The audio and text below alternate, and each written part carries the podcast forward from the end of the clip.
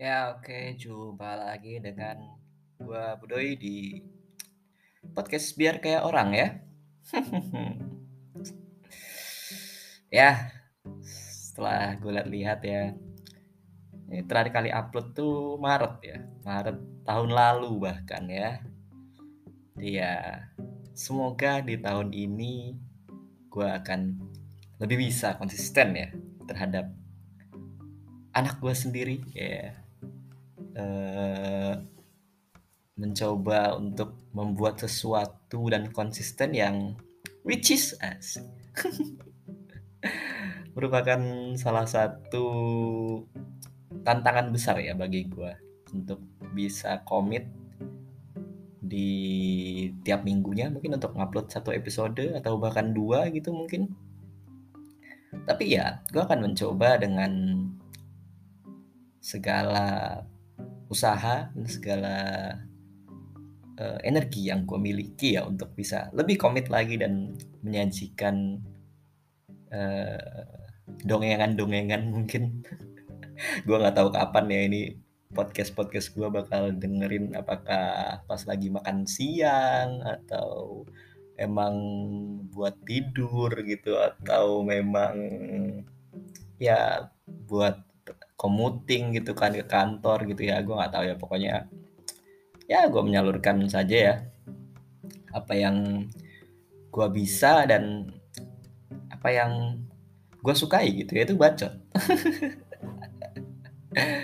Oke jadi di ini gue di segmen sendiri ya sendiri di mana gue akan mencoba berbagi keresahan gue aduh aduh kayak orang udah terlalu banyak gitu kan punya beban beban punya keresahan masing-masing tapi gue ya gitu. Membagi keresahan gue kepada lu semua gitu kan ya terserah sih mau lu dengerin atau enggak gitu. Tapi ya selamat untuk yang telah mencoba ngeplay episode ini. Uh, eh, gue usahain lu nggak akan bosen dan mau untuk dengerin sampai akhir ya. Mungkin sekitar ya setengah jam kurang gue akan ngobrolin tentang suatu tema ya suatu hal. Gue juga masih belum kepikiran sih tentang judul dari podcast ini. Gue kayak apa ada kemauan aja gitu dan ada waktu kosong untuk gue ngerekam podcast ini. Dan ya langsung spontanitas aja. Nggak usah terlalu banyak konsep. Langsung gas. Ini aja gue langsung record ya di Anchor FM-nya ya. Tanpa edit editing nanti ini langsung gue upload aja lah pokoknya. Mau suaranya kasar-kasar atau gimana juga ya semoga masih bisa terdengar lah ya. Bisa ter terarticulate dengan jelas gitu kan. Oke okay, gue tuh sebenarnya hari ini sih hari ini gue iseng gitu kan. Setelah kemarin gue ngobrol di kedai bareng teman gue kebetulan teman gue tuh lagi pakai kaos gitu kan kaos band. Dan kebetulan kaos bandnya waktu itu adalah Pink Floyd. Wis Pink Floyd salah satu band rock ya mungkin yang belum tahu. Pink Floyd itu salah satu band rock yang terkenal di era-era 70 atau 80-an mungkin. Nah dan seperti biasa gue adalah orang yang selalu punya pemikiran akan sesuatu ya jadi gue langsung nanyain gitu kan ke teman gue ini. Karena gue tuh selalu tergelitik gitu kan ke orang-orang yang pakai-pakai baju band gitu. Sebenarnya dia itu dengerin nggak sih apa bandnya itu gitu kan? Kayak dia tuh ya lo kan udah pakai baju nih lo udah merepresent apa ya merepresentasikan sesuatu gitu kan? Lo udah dengan bangganya memakai baju misalkan taruhlah band itu ya Pink Floyd gitu kan Nah, lu sebenarnya mewakili band itu nggak? Maksudnya lu dengerin nggak atau lu cuma pakai-pakai doang itu karena desainnya keren gitu kan? Ya, kalau menurut gua kalau misalkan dia nggak dengerin pun nggak apa-apa. Tapi ya akan lebih bagus gitu kan. Sayang aja ketika Pink Floyd yang bagus gitu kan menurut gua dan influential mungkin bagi anak-anak musik gitu kan di musik-musik rock terutama ya. Itu sayang aja gitu kalau misalkan yang pakai bajunya itu nggak dengerin lagunya yang bagus-bagus sebenarnya. Dan masih menjadi bisa dibilang uh, sebuah hits lah. Dan masih terus dengerin sampai fans-fansnya sampai sekarang dan masih mendemands untuk reunian ya era band tahun tujuh band tujuh tahun 70-an yang memang udah lama bubar sih. Jadi ya ya begitulah. Setelah itu ya ternyata gue dapet jawaban yang bikin gue senang sih karena dia ternyata memang dengerin Pink Floyd terus dia kayak cerita tentang sejarah bandnya gimana bla bla bla bla gitu kan kayak mulai dari vokalisnya yang uh, uh, cabut dari band gitu kan itu cabut juga bukan karena karena perseteruan tapi karena terjerat LSD ya waktu itu karena memang tahun-tahun itu tahun 70-an tuh memang lagi marak-maraknya LSD apalagi di anak-anak band ya gitu ya di Amerika sono ya. Nah, terus kayak dia cerita juga tentang ya karena gue sedikit-sedikit paham doang ya gue nggak nggak pernah into banget itu untuk ke Pink Floyd. Tuh terus gue taunya cuma dari yang biasa di desain di kaos-kaos orang tuh yang uh, apa ada kayak prisma segitiga gitu kan terus ada kayak pelanginya gitu nembus terus. Ya itulah kayak apa ya pembelokan cahaya gitu yang kayak cahaya masuk putih terus di prisma segitiga terus nanti keluar dari prisma itu jadi kayak pelangi gitu. Nah itu. Kaos terus ada ada Pink Floyd. Nah itu.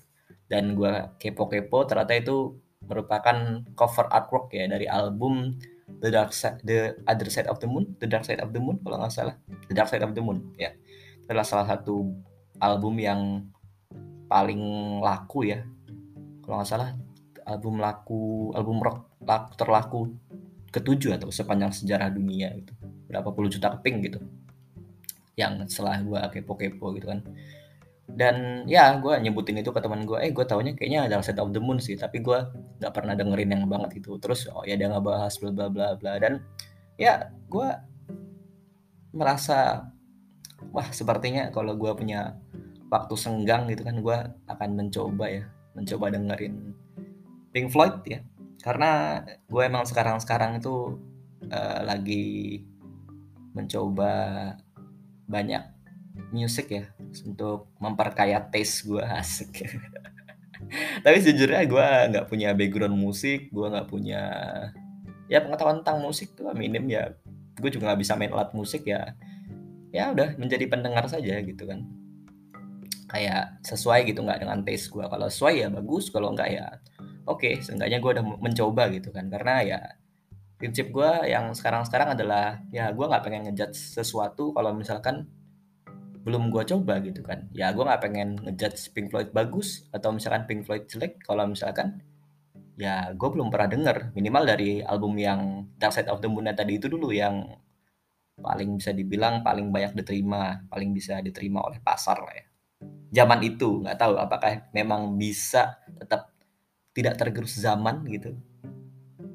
Akan terus bagus ketika didengarkan oleh gua kan pria 20-an di 2022 gitu. Dan ya gue mulai gua style di Spotify ya. Sudah pasti.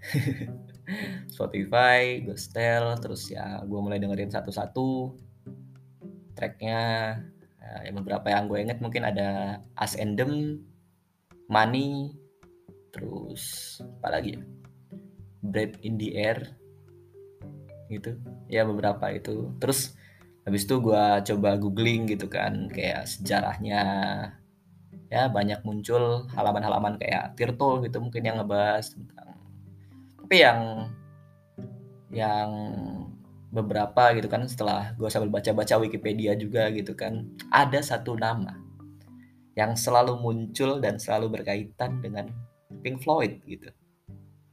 Yaitu nama vokalis pertamanya, juga sekaligus foundernya dari Pink Floyd, yaitu Sid Barrett. S Y D B A R R T. Ya, itulah. Susah memang namanya. Dan yang mengusulkan namanya juga kalau nggak salah si Sid ini. Itu berdasarkan dari musisi blues apa ya yang dia senangin yang berawalan pink di nama depannya dan satu lagi Floyd nama depan. Jadi ada dua musisi favoritnya si Sid Barrett ini. Dan karena dia terinfluence banget, dia senang banget sama musiknya si dua musisi ini, musisi blues, akhirnya Sid Barrett memakai nama, mengambil dua nama depan dari kedua orang itu dan dijadikan nama band. Pink Floyd. Ya, kalau dipikir-pikir memang tidak terlalu ada artinya ya, tapi ternyata memang itu menyimpan tribut lah kalau bisa dibilang ke orang yang bisa membuat si Sid ini uh, ya uh, jago lah gitu kan main musiknya. Dan ternyata ya berjalan berjalan berjalan ngeband ngeband ngeband gitu kan. Sambil gue dengerin tuh track-tracknya. Ya memang untuk uh, lulu suka yang suka musik-musik yang eksperimental gitu kan mungkin. Penyuka-penyuka musik-musik yang tidak sesuai dengan pasaran yang memiliki taste-taste yang unik gitu kan. Mungkin lu wajib coba dengerin Pink Floyd sih gitu. Ya itu seenggaknya yang gue dapetin dari album The Dark Side of the Moon ya. Di sini gue bukan pengen bahas banget tentang musiknya karena gue juga bukan apa Om Leo atau misalkan Kang Soleh Solihun ya yang mungkin lebih mengerti masalah permusikan dibanding gue sini gue lebih kepada tokoh yang tadi muncul di setiap pemberitaan yaitu Sid Barrett. Sid Barrett itu dia menjadi ruh lah kalau bisa dibilang Pink Floyd. Dan bahkan di karya-karya setelahnya di mana Sid Barrett ini udah gak masuk ke dalam formasi Pink Floyd itu kayak masih ada pengaruh-pengaruhnya gitu. Bahkan abis The Dark Side of the Moon tuh ternyata ada album lagi yang uh, dibikin oleh kawan-kawan di Pink Floyd ini sebagai tribute untuk Sid Barrett yaitu album Wish You Were Here guys. jadi kayak seandainya kan lu di sini Sid dan lu masih uh, apa ya masih berfungsi dengan normal maksudnya nggak nggak edik sama LSD gitu kan nggak edik sama narkoba gitu kan ya begitulah jadi ya mau nggak mau Sid Barrett ya harus di kick dari ini di kick dari Pink Floyd ya karena ya susah. Maksudnya lu ketika lu harus tampil di depan umum tapi dia malah bengong aja gitu kan nggak metik gitar gitu pas konsernya. Atau ya maksudnya lu tidak profesional lah mungkin bisa dibilang. Walaupun mungkin itu keputusan yang sangat sangat berat gitu ya untuk semua teman-temannya Pink Floyd ya. Tapi gue di sini melihat itu tuh kayak bisa relate gitu sama teman-teman yang tersisa di Pink Floyd gitu kan. Gue lupa lagi nama-nama krunya siapa ya. Uh, coba kita cari Pink Floyd yang masih tersisa. Um, oh iya David Gilmour. Ada David Gilmour ada mana sih ini? Wait wait wait. Oh Roger Waters David Gilmour Nick Mason Richard Wright. Nah, sekitar itulah. Jadi kayak empat orang ini yang tersisa di Pink Floyd ya bikin mereka tribut gitu kan. Karena ya walaupun mereka masih melanjutkan panji-panji Pink Floyd ya tapi ya bener-bener kehilangan. Walaupun Sid Barrett ini kalau bisa dibilang sangat singkat ya berada di Pink Floyd tuh mungkin sekitar 2-3 tahun gitu. Dan mungkin hanya terlibat di satu atau dua album dari sekian belasan album Pink Floyd ya. Tapi karena kejeniusannya karena bener-bener kayak um, ke apa ya? Karena yang lainnya nih kalau di track ke ke belakang pendidikannya itu mereka pendidikannya uh, beda gitu kayak science gitu kalau nggak salah ya maksudnya kalau si Sid Barrett ini dia seni rupa jadi kayak anaknya itu mungkin nyeni banget terus kayak dipandang teman-teman itu sebagai orang yang menjadi patokan lah kalau di band ya Pink, Pink Floyd itu.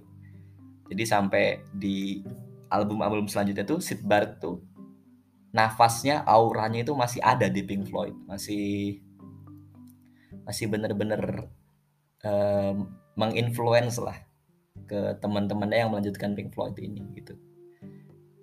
Ya sebegitu kehilangannya gitu dan sebegitu merindukannya teman-teman di grup Pink Floyd terhadap sosok Sid Barrett ya. Yang akhirnya sampai akhir karirnya pun ya tidak membuat band apa-apa gitu dan lebih memilih menjauhi dari dunia showbiz dan akhirnya uh, pada tahun 2000 berapa itu? 2005 2006 kalau nggak salah itu akhirnya meninggal dengan penyakit lah sakit di rumahnya. Ya ini gue nggak tahu kenapa ya. Ketika gue nggak baca ini kayak cerita biografi dari Pink Floyd tuh kayak gue seolah uh, relate gitu. Tapi relate tentang apa gitu kembali gue pikir-pikir lagi pengalaman-pengalaman gue dan ternyata ya entah kenapa gue jadi keinget sosok teman gue yang menghilang. Yaitu Lukman. Ya sosok Lukman bisa dibilang ya gue kangenin lah. Walaupun ya mungkin kalau lo belum tahu siapa Lukman Lukman tuh eh, sekamar pas gue dulu di asrama di kelas 1 SMP dan kita satu sekolah bareng selama enam tahun. Dan kebetulannya lagi kita akhirnya mengambil kuliah yang sama di sini rupa juga walaupun perbedaan strata. Gue S1 dia D3 sama-sama DKV tapi tetap di kampus yang sama dan akhirnya kita ngekos bareng. Jadi kalau bisa dibilang gue berbagi history gitu kan pengalaman dengan Lukman tuh sekitar eh, 6 10 10 tahun 9 9 tahun lah 9 tahun lebih. Sekitar 9 tahun. Ya walaupun gue ketika gue di SMP SMA gue nggak terlalu deket dan akhirnya gue deketnya ya karena kita sekos dan kamar kita sampingan bahkan pernah satu kamar ketika gue masih kuliah dan itu kayak eh, pandangan gue terhadap Lukman itu adalah mungkin seperti pandangan teman-teman Pink Floyd gitu kan terhadap Sid Barrett. Seorang yang jenius di bidangnya seorang yang bisa dibilang lebih punya taste di seni rupa gitu kan dibanding gua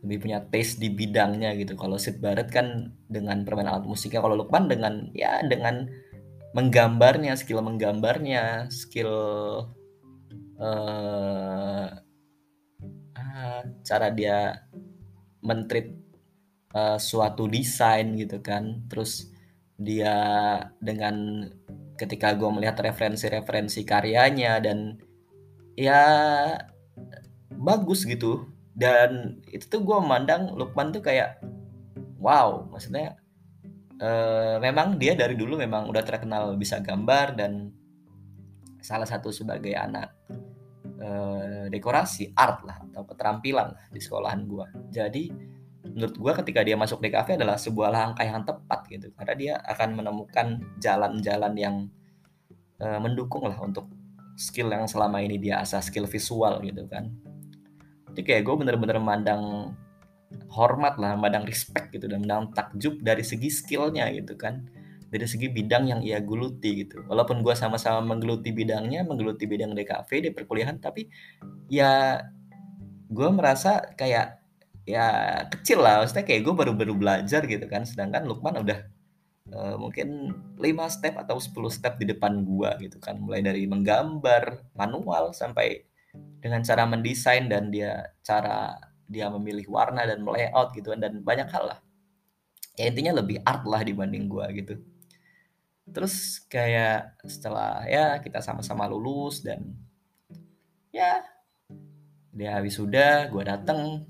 Gua wisuda dia nggak datang gitu. Jadi kayak ya ya udah menghilang gitu. Terus nggak bisa dikontak gitu kan. Kayak gua jadi sama teman-teman gue itu uh, merasa bersalah gitu kayak uh, apa apa apakah memang kita ngelakuin sebuah kesalahan ke Lukman? Uh, what do we do wrong? What do we do wrong? Bener gak iya jadi kayak uh, apa ya ada tersisa ada kayak ya pertanyaan besar sih kayak tanda tanya besar di, di benak dan di dada masing-masing dari kita gitu kan yang ya suka main bareng lah selama kuliah gitu kan. Berbagi waktu bersama terus jadi kayak apa gitu. Kenapa gitu kan? Ya sebenarnya uh, it's okay mungkin itu jalannya dia untuk uh, oke okay, ketika gue kuliah dan selesai ya gue akan meninggalkan semua yang berhubungan relate dengan kuliah gue itu. Mungkin karena dia tidak bangga atau mungkin karena dia ya gue akan balik lagi ketika gue ada sukses gitu. Misalkan kayak ya ya ya gitu. Tapi uh, ya gue rasanya itu kayak ya ditinggalkan aja gitu. Kayak ya lebih kebingung sih dan sedikit sakit mungkin kayak ya ketidakpastian gitu. Kayak kenapa gitu? Maksudnya seenggaknya walaupun mungkin ya mungkin sosmed nggak update gitu kan. Ya nggak apa lah oke. Tapi kayak ketika gue chat atau gue telepon atau jadi tetap nggak bisa. Jadi kayak bener-bener lost kontak gitu. Dan satu-satunya peluang gue untuk hubungan ya lewat adanya doang. Tapi adanya pun kayak sudah menyerah gitu dan tidak bisa membantu kita kita semua gitu. Jadi kayak apa ya kayak ya ya kita melakukan hal yang sa mirip tapi nggak sama sih. Kayak mungkin kalau Pink Floyd kan ya jago bermusik dan mereka memang sebagai musisi sebagai band mereka membuat sebuah tribut ya untuk Pink, uh, untuk Sid Barrett ya. Itu membuat lagu Wish You Were Here itu. Dan ya kita juga bisa dibilang membuat ribut ya dengan mengadakan hashtag teman Lukman gitu kan. Itu sebenarnya itu adalah sebuah movement ya untuk mengingat kembali ya ketika Lukman hadir di tengah-tengah kita gitu. Karena ya ya kenapa kita kayak bener-bener saling bener-bener saling bertanya apakah kita bikin salah gitu kan? Kenapa kita kayak bener-bener pengen tahu ya karena uh, selama ini Lukman pun hadir di kehidupan kita pun tidak tidak apa ya tidak tidak memberikan kesan yang buruk gitu. Dia memberikan kesan yang baik dia selalu bisa jadi uh, orang tengah lah poros tengah gitu mediator. Kayak semua orang bisa ngomong ke Lukman gitu nggak ada. Mulai dari yang mungkin nggak ada nggak ada perbedaan gitu kan. Kayak mulai dari yang paling cupu gitu mungkin yang bener-bener uh, patuh banget dengan aturan gitu sampai ke yang paling rebel gitu kan yang paling gak jelas gitu yang paling random absurd pun kayak kayak gue gitu diterima gitu sama Lukman. Jadi kayak dia tuh bisa ada tengah-tengah gitulah kayak ya maksudnya nggak ada batasan gitu kayak uh, cewek-cewek gitu cowok-cowok semua gender tuh bisa gitu. Ngobrol dengan Lukman bergaul dan pasti eh, uh, impresi mereka terhadap Lukman ya baik. Ya bagus. Nggak ada yang bikin cacat segala sesuatunya gitu. Jadi ya itu salah satunya mungkin karena kita bermain sosmed ya dan kita rata-rata bekerja di desain jadi ya salah satu caranya adalah mengingatnya dengan hashtag teman Lukman ya. Dan itu merupakan apa ya kalau bagi gue bisa dibilang kesuksesan sih sebenarnya. Kesuksesan dalam artian kayak untuk sebuah campaign dan ketika gue hadir di tengah orang-orang yang lama gitu kan teman-teman gue dulu selama enam tahun SMP SMA gak pernah ketemu lagi gitu kan. Terus pasti mereka nanya gitu kayak eh Lukman gimana doi? Gitu teman Lukman gitu-gitu jadi itu menurut gue kayak wah ternyata uh, impact atau movement dari teman Lukman untuk orang-orang mengingat kebaikan Lukman gitu orang-orang uh, bisa gitu ter ter apa terdampak gitu dengan dengan campaign yang bisa dibilang ya ngasal aja dan tidak dipikirkan dengan matang-matang gitu.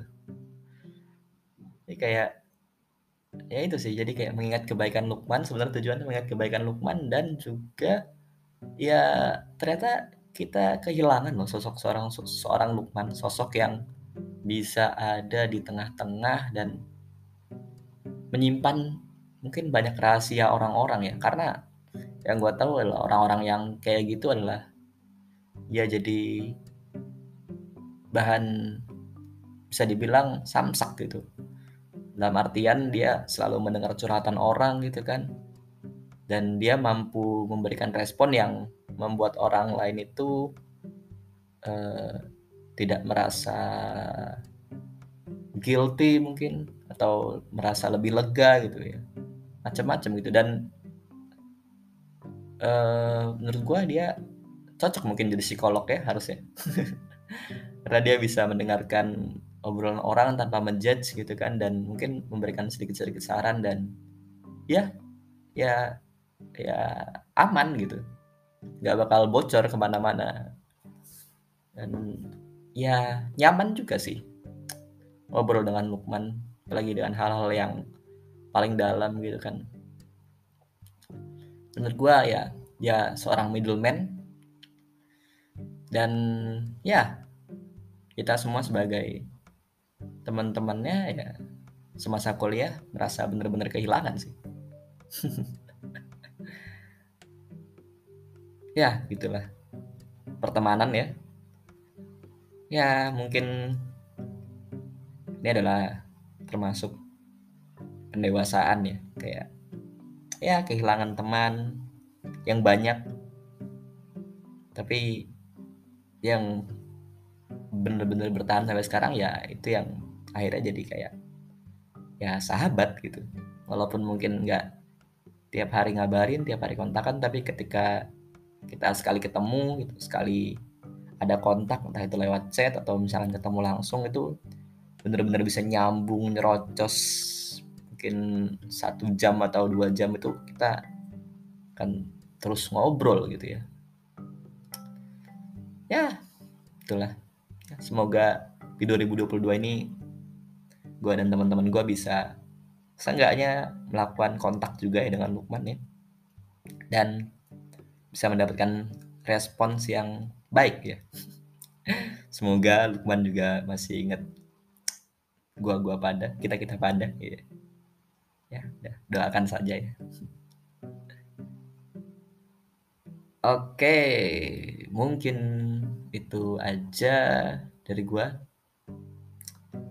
di sendiri episode 4 mungkin ini ya sekarang udah 28 menit ya sebentar lagi setengah jam dan itu adalah batas waktu dari Anchor kalau misalkan lu mau langsung uh, record di websitenya jadi langsung gunakan saja Anchor ya. ya. Semoga saya segera di endorse oleh Anchor supaya podcast ini juga makin semangat untuk saya menjalaninya ya. Karena sulit juga tidak ada duitnya untuk bisa lebih semangat tidak ada pemacu. Iya. Yeah. Ya udah, itu aja dari gua Budoy. Terima kasih sampai berjumpa di uh, mungkin review musik lainnya atau mungkin pembicaraan tentang tren-tren lainnya seperti NFT yang sempat ramai kemarin. Nggak tahu deh. Oke. Terima kasih telah mendengarkan. Bye bye bye.